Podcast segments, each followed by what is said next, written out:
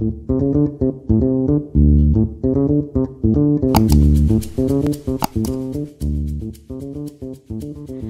է ծրագրավորումը։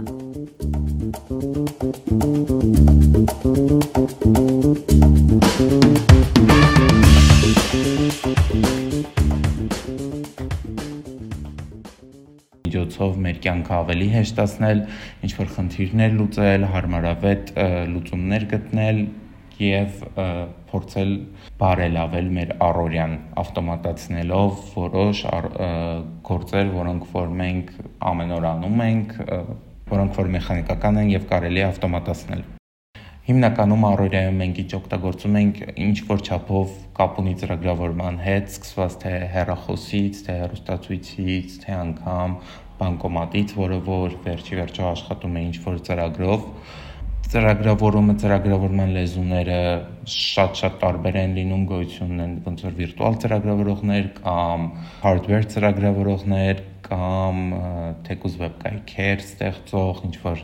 հավելվածներ ստեղծող բայց այդ ամեն ինչի լեզուները լրիվ տարբեր են ծրագրավորման լեզուները շատ տարբեր են լինում, կախված նրանից թե իրանք որ կոնկրետ ոլորտի հետ կապ ունեն, այսպես ասած լեզուն կիրառություն ունի կախված թե ինչի վրա է նա գործածվում, դրա համար ունենք բազմաթիվ ճյուղեր, բազմաթիվ հնարավորություններ, որոնք լրիվ տարբեր են, ամեն մարդ կարող է գտնել իր հետաքրքրությունը կախված թե իրեն ինչն է դուր գալի։ Օրինակի համար մարդիկ կան ովքեր որ վիզուալ մարդիկ են, կարող են զբաղվել հավելվածների ստեղծմամբ կամ դիզայնով կամ այդ դիզայնը հենց կոդավորելով, որpիսի այդ ամեն ինչը լինի աշխատունակ։ Այն մարդիկ, ովքեր սիրում են ինչ-որ մաթեմատիկական, ֆիզիկական ինչ-որ ֆորմուլաներ եւ այլն, կարող են զբաղվել հենց տրամաբանական խնդիրների լուծմամբ կամ ճարտարապետական լուծումներ տալու համար հենց ծրագրավորման մեջ։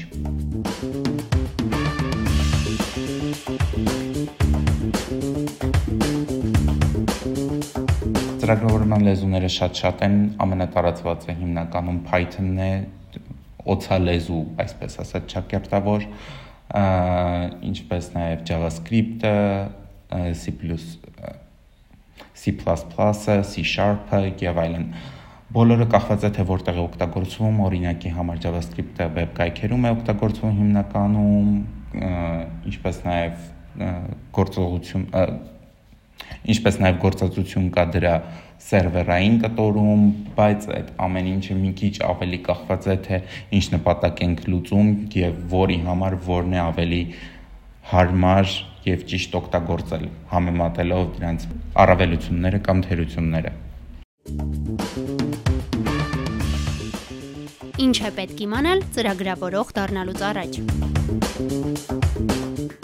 Իրականում ծրագրավորող կարող է դառնալ ցանկացած անձ, ով ինչ որ չափի հետաքրքրվածություն ունի համակարգչային աշխարհի հետ կամ թեկուզ կարող է լինել պլանշետային կամ հեռախոսային եւ բոլորի մոտ տարածված միֆը, որ պետք է մաթեմատիկայից շատ ուժեղ լինել ծրագրավորման համար, չի վերաբերվում բոլոր լեզուներին, քանի որ ինչպես նշեցի արդեն ունենք բազմաթիվ լեզուներ, բազմաթիվ կիրառություններ դրանց եւ մաթեմատիկան միշտ չէ որ պետք է հիմնականում ավելի լուրջ խնդիրների համար է մաթեմատիկա մաթեմատիկան պետք լինում։ Հայաստանում ոչ բոլորն են շատ հարուստ ծրագրավորողներ, ոչ բոլորն են միլիոններ աշխատում եւ այլն։ Իրականում Հայաստանում